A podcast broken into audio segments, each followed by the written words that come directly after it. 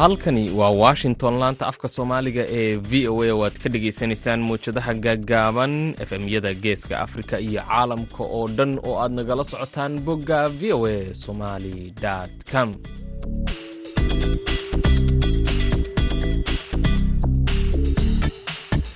duhur wanaagsan dhegaystayaal waa maalin jimco ah. Bisha agost waa afar sannadka labada kun iyo saddex iyo labaatanka. Afrikada bari saacaddu waxa ay tilmaamaysaa kowdii iyo badhkii duhurnimo. Idaacadda duhurnimo ee barnaamijka dhallinyarada maantana waxaa idinla socodsiinaya. Anoo ah ismaaciil xuseen farjar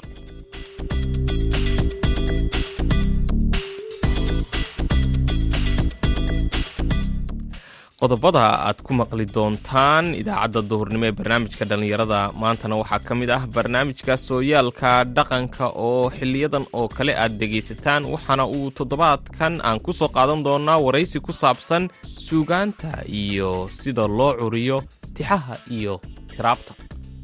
Iminka ereygaa sugaan micnihiisu taariikh cusub oo wuxuu la fac la micno noqday dictionaryga ereyga literature literaturoo labada u kala qaybsamay tixiyo tiraab wuxuuna xilligii uu soomaaligii la qoray casriga wuxuu dabeecadda naxwaha la jaan qaadayaa sidiisii hore ee xarafraaca way berigii horea la odhan jiray tixiyo tiraab waxaa la odhan jiray gar iyo gardaro waxaa la odhan jiray mudiciyo mudacaley qodobadaas iyo kuwo kale ayaad ku dhegaysan doontaan idaacaddeenna duhurnimo marka horese waxaad ku soo dhowaataan warkii dunida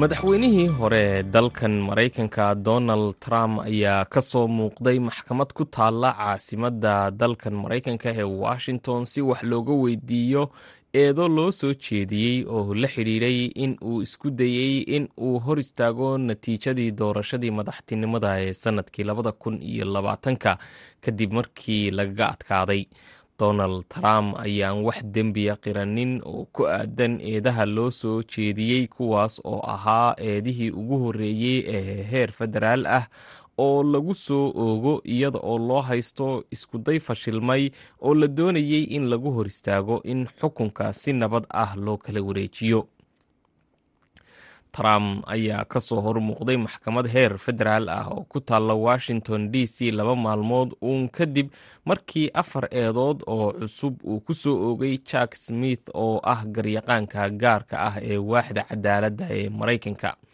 Trump ayaa lagu soo eedeeyey in uu isku dayey in uu leexiyo rabitaanka codbixiyayaasha si uu uga hortago guusha xisbiga dimuqraadiga gaar ahaan joe biden iyada oo bishii januari lixdeedii ee sannadkii labada kun iyo koob iyo labaatankana ay xoog gudaha ugu galeen golaha baarlamaanka ee maraykanka taageerayaal cadhaysani iyaga oo isku dhacay laamaha ammaanka.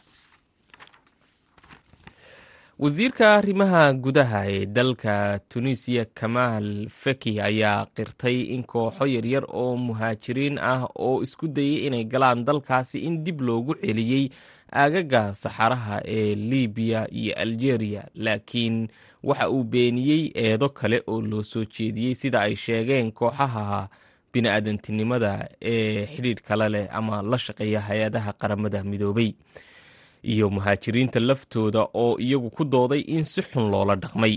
Waraysi uu siiyey wakaaladda wararka ee associated press ayuu wasiirka arrimaha gudaha ee tunuusiya wuxuu ku sheegay inkasta oo aanay jirin dad badan oo la eriyey haddana wuxuu tilmaamay in kooxaha dib loo celiyey ee loogu celiyey dhulalka lamadegaanka ahi in ay gaadhayaan lix ilaa laba iyo toban qof isagoo sababta dadkaas dib loogu celiyeyna ku sheegay in aanay haysanin wax waraaqo ah. Wuxuu kaloo intaasi ku daray in saddex meyd ah oo tahriibayaal ah laga helay xuduudda saxaraha ee u dhexaysa libiya iyo algeria taasoo ah dhanka waqooyi ee dhulka tunisiya dhegeystayaal intaas waxaa nagay warkeennii dunida. Haatan ku soo dhowaada qeybaha kale idaacaddeenna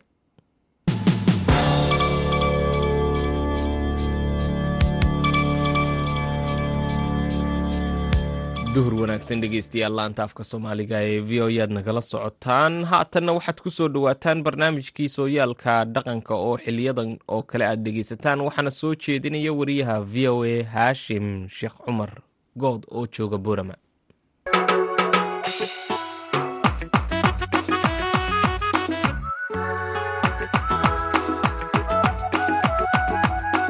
kulanti wanaagsan dhegaystayaal ku soo dhowaada barnaamijka sooyaalka dhaqanka oo toddobaadkiiba.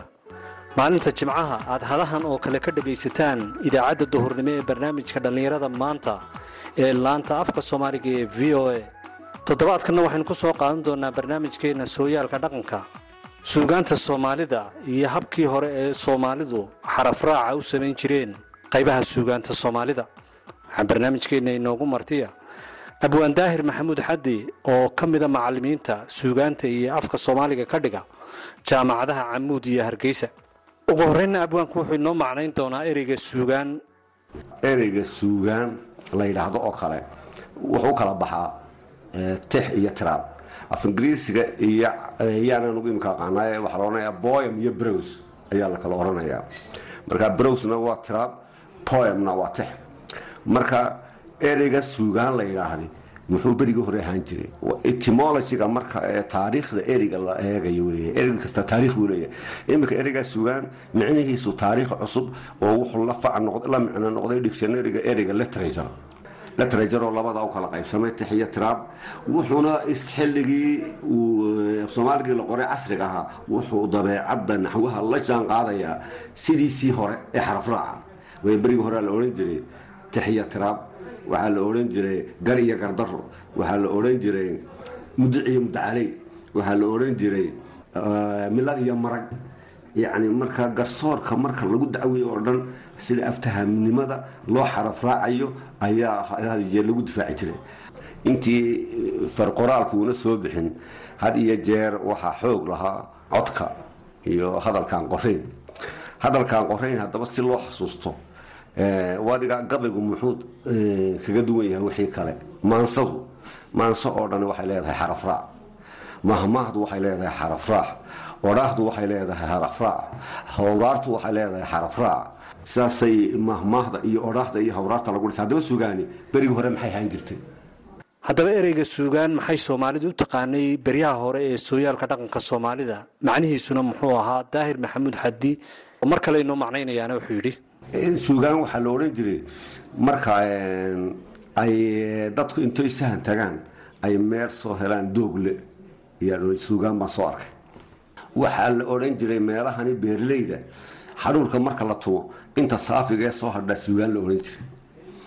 Dadka kale ee xoolo dhaqatadana hadalka marka la kala hufo intiisa xashiishka ah ee waxba aan lahayn sodoh iyo nin mormo iyo waxaa ku saabsan hadalka laga dheeraada ninka raggii ayaa la odhan jiray waayo tusaale ahaan haddaan tusaale ku siiyo wuxuu yidhi laba seedi oo murantay meel buu nin soo mareen laba seediyaal murmaya laba seedi oo murantay suugaan rag baan mooday sodohdii hadday gaadhana in la kala socdaan mooday meesha sodohdaada gacanteeda ka gaadhis haba tegin markaa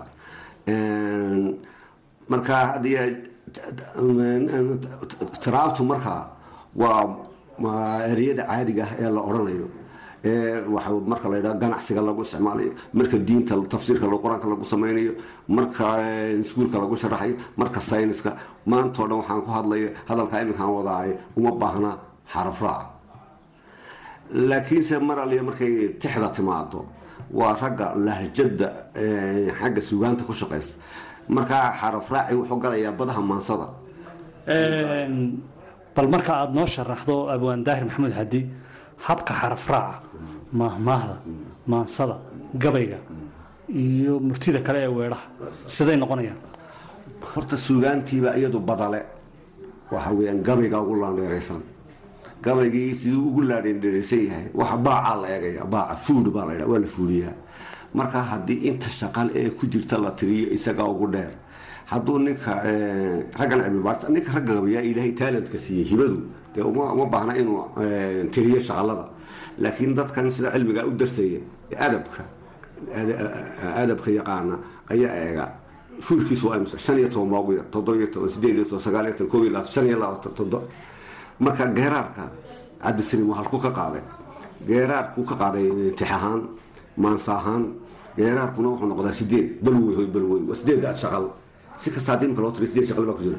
Waxaa boora mana koob iyo toban baa ku jira hees kasta oo sideed shaqal leh ama koob iyo toban shaqal heesa boqol iyo toban heesood ilaa qaraamiga oo maroodi ma daaye mirashada ya waxaa waxaad waaluftoon wad kaa helin ka waantoobi waa loo noqon waa koob iyo toban. Qaraamigaas oo dhan iyo badda balwad oo dhan koob iyo tobanka iyo sideedaasa ku socotay. Oo ayaa kacaanka revolutionka ayaa sameeyey maansada yaa horseeday exploration yaa sahamiyey cabdi deeqsi warfaa oo nin magaalo ah. Markaa gabaygaa ugu dheer gabaygaa ugu dheer geeraarkaa ku xiga oo jiiftadaa ku xigto gaariya fuurkaa baadhay inay sagaal shaqal leedahay. Sarar iyo lag iyo badi sagaal shaqal baa ku jira. Keebaan ku siiyaana sagaal shaqal baa ku jira. Ya beentu dacalla dheera dabni hadalka mooye daahir baa tidhi sagaal shaqal baa ku jira labadaba marka iyaduna sagaaley mid ka gaaban baa jirto la ydhaa maqaley warlaay maqaley waa labaaley maqaley warlaay ma lagu warramay waa laba erey haddaanan haddaanan oo iyaduna calacalka haddaanan iska kaa haddaanan ku daayo haddaanan habaar kugu ridin hargeysi ma toosta hargeysa iyo ma toos waa laba erey kuwaasina waa lixley toddobaley meelaha. Midayd fatuura fiiq tira haddaad tiraa quluufo qalaafan waraabo dhagayaxa nin oona naagta naagtaysi quluufan qalaafan dhalinyar badan oo imigayna dhegaysanaysaa waxay is weydiinayaan shaqalku muxuu markaa bal shaqalkaa markaad sharaxayso intaasoo shaqal buu ka kooban yahay ama lix ama toddobaad leedahay shaqalkaas ugu noqonaya waxa weeyaan erey waxay ka kooban tahay ereygu wuxuu ka kooban yahay un saddex cod buu ka kooban saddex calaamadood oo alfaabeetkii ah. Calaamadaha alfaabeetka iyo cod noqda. Marka sidee bay iskugu dhigmaan codadka iyo ba marka la qoro waa waxaan sida sanduuqa loo dhigay. Dee bana halkaa dabnahay ka soo baxdaa waa shiibana dabna codle. Ta'na waa shiibana caara carab cishid codlaawe. Da waa shiibana caara carab cishidle halkay ka soo baxaan maqaarij alkalaamkii markaa marka la yidhaahdo erey keliya la yidhaahdo. Ereygu wuxuu ka samaysan yahay xarfa la isku dardaray. Shaqal iyo shiibana iyo shaqal. Marka ereyga ereyga ugu yari wuxuu ka samaysan yahay run baleeg iminka shaqal shibane shaqal gar shaqal shibane shaqal cod shaqal shibane shaqal imika xeerkaa shaqal shiibane shaqal shiibane shiibane shaqal shiibane oo ah cod caynku muna shaqal hayn muna shiibane hayn coduna shaqal cod da'diina waa shiibane gar ga'di waa maxay? Waa shiibane adiina waa shaqal ra'diina waa shiibane xeerkaa keliya saddexda dhadhaara saddexda dhadhaare codadka shiibane shaqal shiibane. Imse eri baa ku samayn karaa? Gar run rag liq dab dan. Thousands baa ku samayn karaysa. Halka weedhan aad ku samayn karayso yeele falla yeele saddexdaa unaad ku samayso ingiriiskana subject verb object. Inagoo ku sii guda jirna mawduuciina maadaama berigaa hore aan waxba la qori jirin siday u xaraf raaci jireen xarafraaci garsoorka waxaa la odhanayaa ma dhiig baa mise waa ma dhiig baa mise waa dhul. Mudici baa tahay makaimsan iyagoo muduculey yacni waxaasoo dhan xarafyadaasoo badan oo wada xasuusnayn oo xaraf laga raacay ayay lahaayeen. Gartoo dhan lagu xasuusan jiray. Ma milad baa mise waa ma marag baa garti mise waa milad. Ma ugub baa mise waa curad saasaa loo samayn jiray. Hadday curad noqoto xarafraacun bay leedahay. Hadday noqoto hore u jirtayna xarafraac kaley leedahay. Saasaa ninka garyaqaankii korka waxaasu ka qaban jiray. Xeerka nambarka qeexayaba halkaasu ka eegi jiray. Haddaynu soo qaadanno dhinaca mahmaahyaha mahmaahyaha soomaalidu ay dhaqanka iyo sooyaalka u lahayd. Lama sheego cid tidhi. Soomaalidu waxay ku mahmaahdaa baa laydhaa halkay ka timid marka waxa weeyaan had iyo jeer markii akademiyada ay jirtay adduunyada oo dhan waxaa la yidhahdaa ingiriisiga wiseman think alak ragga ahlu aqalkii siba u wada fikiraan. Shimbirba shimbirkiisu la duulaa marka la yidhaha. Kullu dayru yadiiru maca ashkaalihi. Birds of the same feathers flock together. Ingiriis iyo carabi iyo soomaaliba way yidhahdeen markaa kumaa yimidi madaahir baa yidhi mahaashin baa yidhi lama odhanaya wahida un baa la odhanaya. Af jooga looma adeego. Waxay ku baxday unbaa la odhani nin fadhiyo nin kaloo isxigeen oo isku ehel ahaayeen uu markuu hadalka yar seegay laaxibay u buuxaysiiyey ayaa lagu yidhi af jooga looma adeego. Ya haddii danigeeda ku xaqato ma weydo. Nin la arkayo wax oo lagu hayo oo iska kolba xeebta warwareegaya ayaa lagu yaa yidhi wahdo waxaa ka mid a ishayda caanaha taqaan tababka go-ane iyadaba tolliinwaoka wayse kala taalla tayday cuslayseen maxaa maxaan tarini nin cawde? Taabaday laba gacmood tabar ku yeeshaa hadday midigtu keli taagan tahay taar ma goyseene. Anaguna kuwaas oo dhan wahido lama garanayo murtida.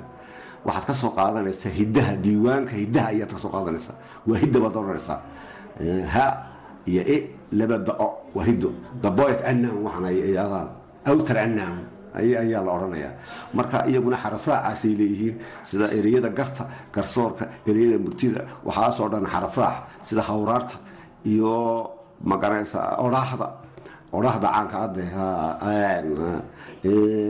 ureema lagu dhintaa islaam baa tii haddii lagu dhaa awyaalo ureema lagu dhintaa. Islaam baa tii marka islaamtii way ka dacwoonaa si edablana ninkayga uga dacwoonaysaa ninkiina markuu hadduu urea ay tiri oo khaladka iyaduna ay isleedahay dee xaafadda dibadeeda inuu joogaan mood isaguna u ka xanaaqay marka arrintaa odaygunbaa laga helay oo dumarkana xagga dacwadda maxkamadaha oo marag iyo milad iyo meel adag lama geyn jirin. Sarbeebta oo kale. Marka haweenka si wax loogu sheegayo erey raaca amase xaraf raaca ay soomaalidu raaci jirtay. Siday haweenka wax ugu sheegi jireen. Ma si qayaxan bay ugu sheegi jireen oo qaawan mise si sarbeebaysan bay ugu sheegi jireen ragga suugaanta iyo murtida dhaadhiya si wax ugu sheegi jireen aad baad u mahadsan tahay xaggan suugaanta umaan sheegayo tixda marka aan geliyo iyo haweenka markay gasho ninka haweenka lo iyo waxaa laga soo qaadaya farda iyo gamaan iyo ya iyo laga soo markaan hawoode habsan geeye ugubo ku jareeran dooxada ya rabiigu hagaaja markuu maxamed cali kaareere shakaroon ku sheegayo ma warkaan hawoode leeyahay hamiba anigoo qabin. Haweenba anigoo rabin hawiba anigoo qabin. Heestuu iga yeedhaa halkan berigii aan fadhiista? Waa ras hawska boora muu fadhiistay. Codka shankaro muu ku maqlay. Heestuu iga yeedhaa dhegtaa jacaylku iga raacay. Markaa saasaa loo sarbeebaya. Haddana maanta ninkayga xogaal mooyaane inuu shankaroon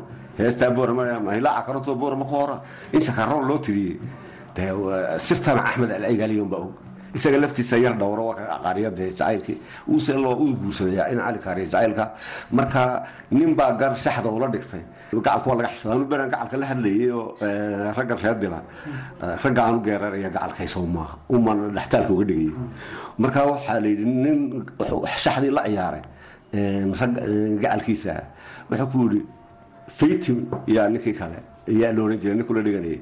Sarbeeb buu isticmaalay. Marka fariinta haweenka la diraya gabadh qurux badan noo dhisa gabdhihiina taadna siisa amahayna tukalana siiya aad leedahay. Dee sarbeeb baad samaynaysaa. Wuxuu ihi gammaankiina fadan faytinow gobolba waa cayne. Qaar baan ka goor iyo ka goor yaalibku qoone qaar baan qarkaad kaba labiyo yaalib naahayne sangalow shakaariyo sangihii gaabi orodkiye wargacalnimo haddaan naga rabtaan go-aha noo doorsha haddii kale saad noo gasheen baa inoo godoba. Har galowday hal garow shalay saahidoo gobi ka yeedhaay horta garowragi waa xun yahay layska raaxaye waa laba guuya dayrjir aan furinkeed geline.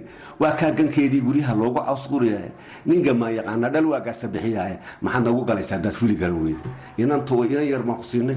Dhasheedii lamaba gursanba sagaal jir baad ku aroostay tababaro. Sarbeebta adii kale ninkii kale haweenka iyo waxaa badaa gala kontonkaa laga qaadayaa. Saasaa sarbeebta shareeraha marka la isticmaalayo ayaa hadalkii loogu isticmaalay. Markuu magaalada noqday ee sugaantu riwaayadaha gashay xasan sheekh muumin wuxuu keenay dab dhexmooday dudur haraaday dawo bukootay dafan busaasay. Waxaasoo dhan geli waxaa la isticmaalay shareere. Waa la daahay. Shareer bay xidhata soo maa waa su'aal la daaho. Degdeg kuma habboonay buu kuleeyahay geliyey.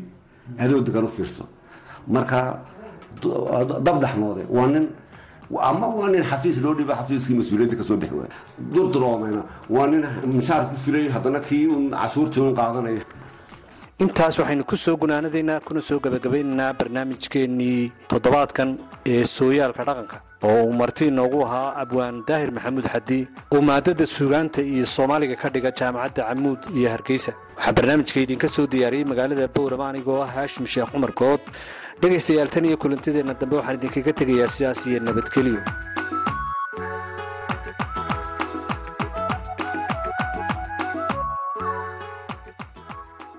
aad uu mahadsan yahay eh, haashim sheekh cumar good oo barnaamijkaasi inoogu soo diyaariyey magaalada borama laanta afka soomaaliga ee v o ayaad nagala socotaan qaxooti u badan afrikaan ayaa lagu soo waramayaa in la arkay iyagoo seexanaya waddooyinka magaalada toronto ee dalka canada kadib markii ay ka buuxsameen goobaha lagu hayo dadka soo galootiga ka hor inta aan loo samaynin dibu dejin.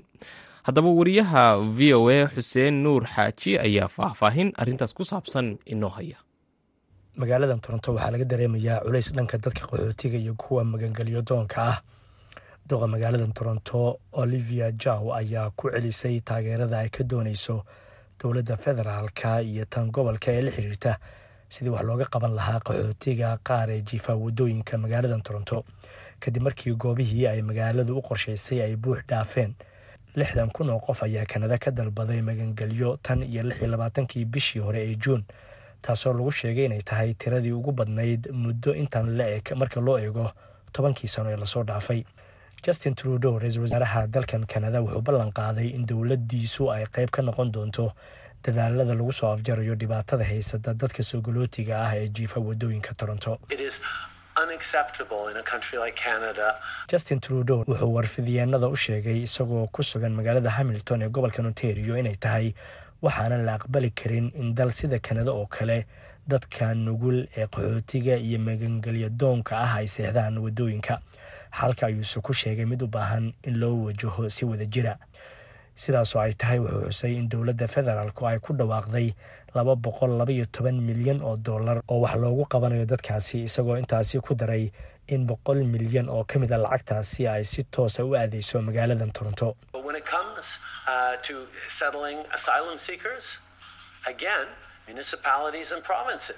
Ururo ay maamulaan dad afrika ka soo jeeda ayaa ka mid a kuwa dadaalada ku bixinaya islamarkaana taageeraya sida qaxootigan oo la sheegay inay kor u dhaafayaan laba boqol oo qof oo u badan afrikaan ay guryo ku heli lahaayeen waxaa jira dhalinyaro soomaali ah oo ka mid a dadka aanan helin dibudejinta dalkan kuwaasoo taageero ka helaya ururada u dooda xuquuqda aadanaha iyo tan shaqaalaha si dowladda federaalku ay u siiso ogolaansho.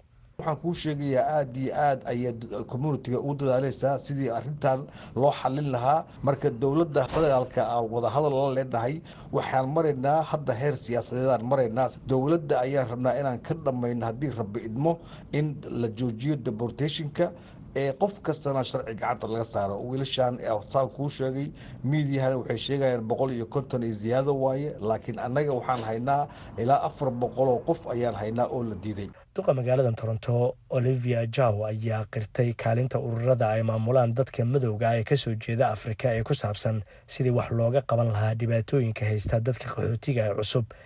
Inkastoo korarka qaxootigan iyo soo galootiga loo sababeeyo arrimo badan oo ay ka mid yihiin in kiisaska dadka magangelya doonka ah ay iska daba imaanayaan islamarkaana aanan loo dhammaystirin si dhaqsiya haddana khubaradu waxay sheegayaan in dhibaatooyinka ka jira dunida ay qeyb ka tahay korarkan kanadana ay arrinkan la qabto dalalka kale ee caalamka.